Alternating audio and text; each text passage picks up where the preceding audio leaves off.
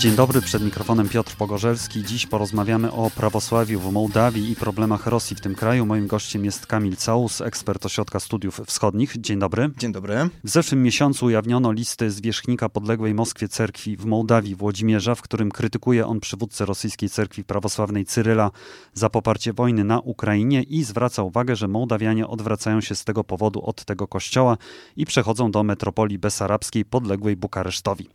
Czy rzeczywiście tak jest? Może zacznijmy od tego, jak w ogóle wygląda mołdawskie prawosławie, jak ono jest podzielone. Tak, rzeczywiście, może zacznijmy od wyjaśnienia tego złożonego dość kontekstu prawosławia mołdawskiego. Mołdawia jest krajem dość wyjątkowym, jeśli chodzi o świat prawosławia, ponieważ dwie cerkwie uważają ten kraj za swoje terytorium kanoniczne. Z jednej strony to jest cerkiew patriarchatu moskiewskiego, której podlega metropolia Mołdawii i Kiszyniowa, czy też Kiszyniowa i całej Mołdawii.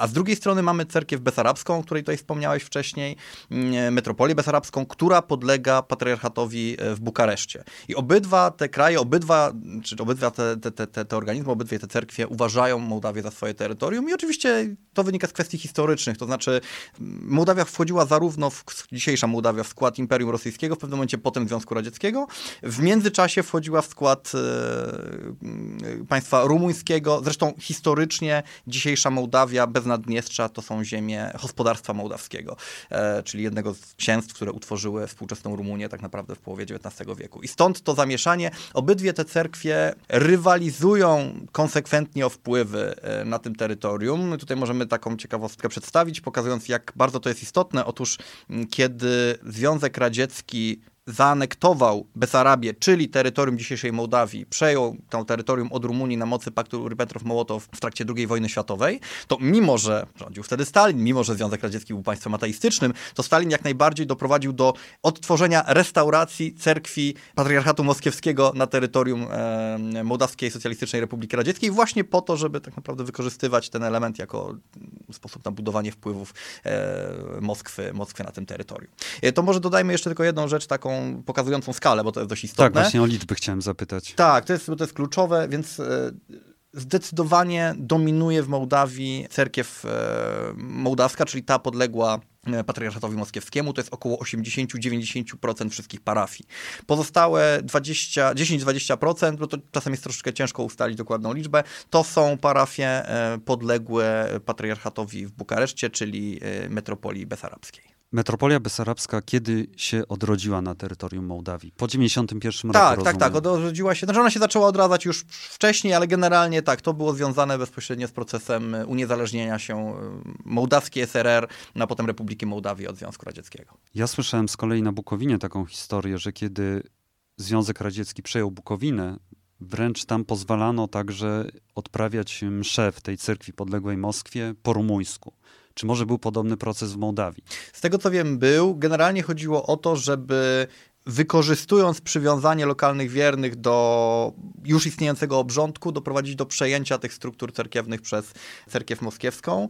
Zresztą to się potem działo e, także w latach 90., czy bardziej w latach 2000, kiedy w Mołdawii między 2001 a 2009 rokiem rządziła Partia Komunistów Republiki Mołdawii pod wodzą e, prezydenta Władimira Woronina, to wówczas e, Woronin, który no, miał skomplikowane relacje z Moskwą, ale co do zasady był politykiem prorosyjskim, e, doprowadził do takiego uwłaszczenia cerkwi, która przejęła, cerkwi oczywiście patriarchatu właśnie moskiewskiego, czyli tej cerkwi mołdawskiej, która przejęła zdecydowaną większość obiektów kultu na własność dla siebie, co do tej pory jest problemem, bo kiedy pojawiają się takie głosy, a one się już pojawiały też wcześniej, nie tylko w trakcie obecnego kryzysu, o którym pewnie porozmawiamy, że jacyś duchowni chcieliby na przykład odejść wraz ze swoimi wiernymi do cerkwi patriarchatu e, bukaresztańskiego, czyli do cerkwi besarabskiej, no to poza oczywiście wszystkimi innymi słowami krytyki, które padają pod ich adresem ze strony e, cerkwi, cerkwi mołdawskiej, słyszą także, no to sobie idźcie, ale cerkiew, w sensie budynek, pozostaje w naszej gestii. Nie wiem, co zrobicie. Także tak to, tak to wygląda pod względem czysto technicznym. Czyli wiemy już mniej więcej, jak wygląda sytuacja i teraz jest pytanie, skąd pojawiły się w tym momencie głosy krytyki z tej cerkwi podległej Moskwie, właśnie pod adresem patriarchy Cyryla. Czy rzeczywiście jest tak, od czego zacząłem, że ta cerkiew traci wiernych? Na pewno jest tak, że od wybuchu pełnoskalowej wojny ukraińsko-rosyjskiej, czyli od lutego 2022 roku, spada radykalnie zaufanie Mołdawian do kościoła. Nie robi się badań, w każdym razie nie widziałem takich badań, które pytałyby o konkretnie ten kościół, zwłaszcza, że prawda jest też taka, że bardzo wielu Mołdawian nie rozróżnia tych kościołów, szczególnie w małych miejscowościach. Chodzi się do swojej cerkwi, do swojego baptystu, nikt szczerze mówiąc dokładnie, nikt szczerze mówiąc nie pyta o to, jaka to jest cerkiew, ale spada i to spada radykalnie przed wojną, powiedzmy w roku 2020, 2021. Zaufanie do cerkwi było jednym z najwyższych w ogóle wobec instytucji publicznych, tak to nazwijmy, i sięgało 80-90%, w zależności od tego, kto te sondaże robił. To w tym momencie e, spadło do, i to znów zależy od tego, jak sondaże się prowadzi, od 70 do nawet 58%. Także radykalny spadek. I ten spadek jest jednoznacznie związany z faktem upolitycznienia cerkwi, patriarchatu moskiewskiego w ogóle, przede wszystkim chodzi o samego patriarchę Kiryła, o to, jak jednoznacznie popiera on wojnę, e, oczywiście stojąc po stronie e, Kremla, to się mołdawskim wiernym nie podoba. Nawet jeśli Mołdawianie e, w dużej części mają taki ambiwalentny i złożony stosunek do tej wojny, no to jednak to, że ktoś ją otwarcie popiera, no, wychodzi poza ich rozumienie. Tak? Na pewno duchowny nie powinien tego robić i to się nie podoba. I to przekłada się rzeczywiście też na zaufanie i na stosunek do podległej patriarchatowi moskiewskiemu cerkwi mołdawskiej i do metropolity Władimira, czyli jego, tej cerkwi, tej cerkwi zwierzchnika. No i tu się teraz pojawia pytanie o ten list, o którym tak, powiedziałeś list, na początku. który jest z września, a tak. informacja o nim pojawiła się dopiero w październiku. W październiku i to sporo później, ponad miesiąc później tak naprawdę, bo list, o ile mi pamięć nie myli, e, wysłany został 5 września i ten list jest niesamowicie krytyczny. To znaczy, to, to co powiedziałeś, to jest oczywiście prawda, natomiast tam pada padają, już pomijając inne rzeczy, ale tam padają takie sformułowania jak wojna y, na Ukrainie wywołana przez Federację Rosyjską, tak? Która, którą rozpętała Federacja Rosyjska. Y, padają zarzuty o wciąganie siłą Mołdawii do Ruskawamira, mimo że przecież Mołdawia jest krajem o korzeniach łacińskich. Padają zarzuty o to, że cerkiew e, prawosławna w, Moskwie, w Rosji, no, czyli patriarchat, pozostaje głuchy e, na powtarzane od, od no, pewnie co najmniej dwóch lat prośby metropolii mołdawskiej o wsparcie finansowe związane z rosnącymi cenami gazu, a przecież wiadomo, dlaczego te ceny rosną, tak? Pojawia się zresztą też bardzo ciekawy zarzut, który w Mołdawii się pojawia ostatnimi czasy coraz częściej e, po wybuchu wojny i po takiej narastającej asertywności Mołdawian wobec Rosji. E, czy pojawiają się pretensje o sposób, w jaki Mołdawia i Mołdawianie jako naród są traktowani przez Rosjan? No tutaj oczywiście w domyśle cerkiew, ale to, to jest szerszy problem. Znaczy chodzi o to, że Rosja traktuje Mołdawię nie tylko jako peryferium, ale też jako taki niedonaród. To znaczy taki, tu pojawia się w tekście, z tego co pamiętam, sformułowanie e, naród pozbawiony kręgosłupa. Znaczy taki jakiś efemeryczny, niejasny. Nie, nie a przecież, i tutaj metropolita o tym mówi, przecież jesteśmy jednak narodem, właśnie o korzeniach łacińskich i tak dalej, i tak dalej, i tak dalej. Wreszcie pojawia się stwierdzenie, że właściwie to jest ciekawe, bo ten list no, niby prosi o jakąś interwencję i zmianę nastawienia, ale konstatuje ostatecznie, że w zasadzie sprawa jest chyba już tak przegrana, bo przecież Mołdawia jest na kursie bardzo szybkim do zjednoczenia z Rumunią i, i jak napisał Metropolita w tym liście, wielkie e, mocarstwa już sprawę zdecydowały i właściwie to jest zakończone, więc pewnie i cerkiew mołdawska, czyli cerkiew, która jemu podlega, straci wpływy, które miała i straci wszystko, co robiła. To jest niesamowity list. Znaczy ja, do tego stopnia niesamowity, że kiedy ja go zobaczyłem po raz pierwszy... To myślałeś, że to fake. Najpierw pomyślałem, że to fake, potem dość szybko przyszła informacja mówiąca, że to nie jest fake. Znaczy potwierdzono autentyczność tego listu, ale wtedy zacząłem się zastanawiać nad jakimś rodzajem wiem, spisku, maskirowki. Znaczy, nie mogłem uwierzyć, że tak silny list w ogóle został może to, że został wysłany to jedno, ale że został upubliczniony. Zwłaszcza, że on wypłynął poprzez e, dość specyficzny kanał, bo publikował go człowiek, który związany był z taką partią, e, która jeszcze w latach 2000 znana była z tego, że udawała bardzo długo partię prorumuńską i prounionistyczną, czyli opowiadającą się za zjednoczeniem z Rumunią,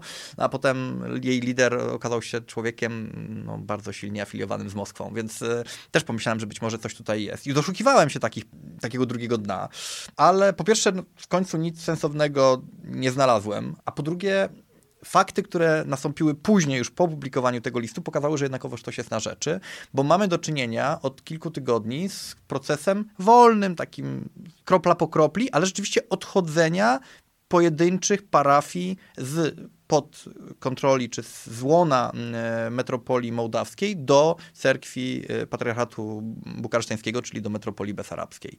To są, w tym momencie to jest chyba kilkanaście cerkwi. Tak, około które, 13. Tak, tak, które przeszły od początku wojny, no ale dzieją się też inne rzeczy, tak? Mamy e, duchownego, proboszcza, jeśli mogę użyć takiego określenia, jednej z kiszyniowskich parafii, dość popularnych parafii, Pawła Borszewskiego, który wprost wystąpił z takim listem wzywającym metropolię do przejścia całkowicie pod zwierzchność patriarchatu bukaresztańskiego. No cóż, list ten musiał być na tyle istotny, że metropolia w, na poziomie e, najwyższych jej duchownych zebrała się i wystosowała oficjalne po dyskusji, oficjalne, mm, oficjalne stanowisko, stwierdzając, że rzeczywiście tego nie zrobi. No ale sam fakt, że poczuli się oni zobligowani do zajęcia stanowiska, pokazuje, że jednak coś jest na rzecz. No dobrze, a czy rosyjska cerkiew prawosławna też zajęła jakieś stanowisko? To znaczy, czy ona zareagowała na ten list? Szczerze mówiąc, nie widziałem żadnych reakcji ze strony cerkwi e, rosyjskiej. I to jest też interesujące. Swoją drogą to wydaje się potwierdzać jeszcze bardziej te zdania, które padają w liście metropolity Władimira, te, te, te bolesne zdania o tym, że cerkiew mołdawska nie znajduje się w ogóle w polu zainteresowania tak naprawdę cerkwi rosyjskiej. Newsmaker też sugerował, czy też osoby, które się tam wypowiadały, eksperci, że to jest pewna taka gra, tak naprawdę właśnie chodzi o to, żeby tak pokazać tę swoją niezależność, żeby ratować sytuację, ale tak naprawdę nie będzie po tym żadnych konkretnych kroków. Tak, Co to o tym ja myślisz? też o tym myślałem i absolutnie jestem w stanie tą wersję kupić, e, że list ten został wystosowany, być może także upubliczniony, po to, żeby rzeczywiście wywrzeć presję na Moskwę. Żeby osiągnąć właściwie dokładnie to, o czym w tym liście jest mowa, czyli dostać jakieś dofinansowanie na, na za ten gaz wspomniany, żeby zmusić Moskwę do podjęcia rywalizacji z cerkwią besarabską. O co chodzi? Chodzi o to, że cerkiew besarabska od pewnego czasu dostaje bezpośrednie dofinansowanie od patriarchatu bukaresztańskiego. Zresztą wydaje mi się, muszę to sprawdzić, jak to jest skonstruowane na poziomie prawnym, ale wydaje mi się, że to są pieniądze idące wręcz wprost z budżetu państwa rumuńskiego, które to państwo dofinansowuje e, cerkiew e, besarabską jako pewną ekspozyturę kulturową tak naprawdę państwa rumuńskiego, co pozwala na wypłacanie pensji regularnych duchownym e, cerkwi besarabskiej w Mołdawii. I to są e, nie byle jakie pieniądze, bo sam zresztą metropolita Władimir o tym wspomina, mówiąc, że jak to było, uwodzeni są oni e, przez cerkiew besarabską wypłatami rzędu 800-900 euro miesięcznie, co jest przyzwoitą pensją na standardy mołdawskie, plus oczywiście dostają ubezpieczenie zdrowotne i tak dalej, i tak dalej, i tak dalej. Z tego co wiem, cerkiew moskiewska w ogóle nie wypłaca wynagrodzeń swoim duchownym. To znaczy oni się utrzymują z tego, co zbiorą od swoich wiernych, co w sytuacji na przykład COVID-u, bo to też jest wspominane w pewnym momencie, tak było poważnym problemem, co w ogóle w sytuacji, kiedy wierni się odwracają od cerkwi w związku z e, jej zaangażowaniem w wojnę, e, zmniejsza tak naprawdę de facto przychody duchownych, no i sprawia, że niektórzy z nich się zaczynają pewnie poważnie zastanawiać nad tym przejściem ze względów nie tylko czysto ideologicznych, ale także bytowo-finansowych. Wladimir rozumiem, że też pokazuje tym swoim listem e, wiernym, tak? To, że my jednak nie jesteśmy tacy prorosyjscy, my tutaj się, się trzymamy bardziej państwa mołdawskiego. Też o tym myślałem, że chodziło o takie podkreślenie, właśnie od, od, odcięcie się od tej, od tej narracji rosyjskiej. Nie, i ja się zgadzam, być może tak jest rzeczywiście, tylko jednocześnie mamy rzeczywiście do czynienia z tymi procesami, które się dzieją dookoła, o których wspominałem wcześniej, czyli z tym odchodzeniem, przechodzeniem do cerkwi besarabskiej. E, mamy do czynienia z e, takim pewnym fermentem i pewną dyskusją, która się w, e, wewnątrz cerkwi mołdawskiej e, zaczęła. Jakby, chciałbym od razu podkreślić, ja też nie uważam, że za chwilę będziemy mieli do czynienia z e, oddzieleniem się cerkwi mołdawskiej. O, to, to, na pewno nie. E, autokefalią, czy może po prostu przejściem masowym pod e, kontrolę Bukaresztu? Nie, na pewno nie. Natomiast sam fakt, że w ogóle doszło do czegoś takiego, to jest wydarzenie historyczne. Cerkiew besarabska zawsze była słabsza, zawsze miała mniejsze wpływy, nigdy właściwie nie miała możliwości czy sposobu na wyjścia do, do szerszej publiki na terenie Mołdawii, a to się teraz jednak dzieje i ludzie coraz częściej zaczynają postrzegać ją właśnie jako tą alternatywę, no bo w końcu właśnie ta różnica jest w gruncie rzeczy niewielka. Znaczy z punktu widzenia wiernego, no, dalej obrządek jest ten sam, Bóg oczywiście jest ten sam, religia jest w ta sama, ale przestajemy się afiliować z człowiekiem, którego jednak uważamy za niegodnego, no przynajmniej częściowo niegodnego pełnienia tej funkcji ze względu na jego zaangażowanie polityczne i ze względu na popieranie skądinąd bratobójczej walki. Tak? Mołdawianie, wielu Mołdawian uważa tą wojnę w ogóle za bezsensowną, za wywołaną przez, e, trochę zgodnie z narracją rosyjską, tak? że to jakieś wielkie mocarstwa, nie wiem, Stany i Rosja i tak dalej, no ale to, że duchowny opowiada się po stronie Rosji, to, to, to, nie dodaje mu splendoru i wiarygodności. Czy to osłabienie cerkwi y, tej z centrum w Moskwie może być też związane z tym, że nowe władze właściwie jej nie popierają w przeciwieństwie do poprzednich władz, które były bardziej prorosyjskie, czyli też miały więcej kontaktów z tą cerkwią, która ma swoje centrum w Moskwie? Zastanawiałem się nad tym, jak to wygląda, no bo jednakowoż to raczej nie ma jakiegoś dużego przełożenia, dlatego że ci, którzy co do zasady popierają te ugrupowania, które w Mołdawii w tej chwili rządzą, czyli ugrupowanie PAS, czyli partię prozachodnią, to raczej nie są ludzie, którzy byliby skłonni e, wierzyć jakoś głęboko i ufać patriarchatowi, patriarchatowi moskiewskiemu, bo to, czy oni chodzili do cerkwi mołdawskiej, czy do cerkwi besarabskiej, to już nie miało większego znaczenia. Bardziej istotne może być to, że te władze nie są zainteresowane wspieraniem cerkwi na przykład pod względem finansowym. To się zdarzało jak najbardziej za poprzednich prorosyjskich władz. Myślę, że wtedy wtedy mm, cerkiew mogłaby liczyć zarówno na jakieś mm, wsparcie finansowe, może jakieś subsydia, może na jakieś... No, działki chociażby też, działki, no tak? No cokolwiek, tak? Teraz tego nie ma i rzeczywiście od tego są odcięci, natomiast jednocześnie obserwujemy jak najbardziej wyraźne poparcie dla cerkwi metropolii besarabskiej. E, to się dzieje i e, sami politycy partii rządzącej biorą udział w e, różnych uroczystościach organizowanych przez tą cerkiew. Zresztą w tym liście wspomniane jest takie jedno wydarzenie, e, które jest też symboliczne, mianowicie chodzi o e, wizytę duchownych, wysokiej rangi duchownych cerkwi mm, Patriarchatu Bukareszteńskiego w Bielcach na stulecie objęcia tego terytorium przez właśnie Patriarchat Bukareszteński, przez metropolię besarabską. Tam będzie budowana katedra, która będzie budowana właśnie przez cerkiew besarabską i stało się to bez pytania o zgodę i w ogóle bez nawet, z tego co rozumiem, notyfikacji metropolii e, mołdawskiej, co zostało odebrane jako symbol kompletnego znieważenia. Bo okej, okay, to jest terytorium, gdzie obydwie strony ze sobą walczą, ale po pierwsze Bielce, miasto tradycyjnie rosyjskojęzyczne, miasto bardzo sowieckie też tak naprawdę, no zawsze było uważane za, jeśli już tokolwiek, to to jest naprawdę część metropolii e, mołdawskiej, a tu nagle przyszli Rumuni, przyszli lokalni przedstawiciele e, patriarchatu bukareszteńskiego i postanowili sobie tam poświęcić krzyż, który stoi na miejscu, który, którym, którym powstanie ta, ta cerkiew. Zresztą tam się, tam się dzieje jeszcze więcej rzeczy. Na list jest po prostu bardzo długi. Na przykład metropolita Władimir krytykuje coś, co dzieje się od lat, to znaczy krytykuje fakt, że mimo, że terytorium kanoniczne cerkwi mołdawskiej obejmuje także Naddniestrze, e, to, że lokalni biskupi wybierani są bez konsultacji z metropole, e, metropolią, czy z metropolitą, no, gdzie to w ogóle złamanie jakiejś kompletnej hierarchii, są jakby wybierani bezpośrednio w, przez Moskwę, tak z Moskwy. I co jeszcze ciekawsze, i to jest interesujące, że zostaje to podkreślone, e, Władimir narzeka, że nie pyta się o zdanie nawet władz, w rozumieniu, jak domyślam się, władz naddniestrzańskich. E, no bo wiadomo, jak funkcjonuje cerkiew. Znaczy cerkiew żyje w symbiozie z władzami, błogosławieństwo władz jest jednak rzeczą istotną, jeśli da się je załatwić. A, i ostatecznie jeszcze jedna ważna rzecz. Władimir konstatuje też, podkreśla, że no jednakowoż Mołdawianie są proeuropejscy i że to jest istotne. I że jeśli cerkiew Patriarchatu Moskiewskiego jest antyeuropejska, no to zderza się z poglądami e, społeczeństwa mołdawskiego i w ten sposób się nie da funkcjonować. A jednocześnie cerkiew bezarabska jest jak najbardziej proeuropejska, więc ludzie do tej cerkwi przechodzą. To już kończąc i trochę nawiązując do tych kwestii politycznych, y, czy w Mołdawii są jeszcze jakieś takie rozbudowane struktury polityczne czy społeczne, które są życzliwe Moskwie? To znaczy chodzi mi o to, na przykład osłabienie roli socjalistów, y, rozbicie też y, partii Szora, zakazanie jej działalności. No rozumiem, że jakby teraz mamy kolejną cegiełkę, tak? czyli to życie religijne, które też może tutaj się zakończyć prorosyjskie. Generalnie, jeśli spojrzymy sobie na to, co dzieje się w Mołdawii od e, ostatnich 10-15 lat mniej więcej, czyli od końca mniej więcej rządów komunistów, i co przyspieszyło bardzo wraz z wybuchem obecnie trwającej wojny, to te wpływy rosyjskie, zobaczymy, że te wpływy rosyjskie topnieją i to topnieją naprawdę błyskawicznie. Topnieją zarówno na poziomie politycznym, bo mamy co prawda partie prorosyjskie, takie jak chociażby wspomniana właśnie partia socjalistów, która jest w tym momencie w kompletnym chaosie. Mamy partię Szora, która została zakazana, no ale jakby samo środowisko ciągle funkcjonuje w różnych wersjach, na przykład jako partia Szansa.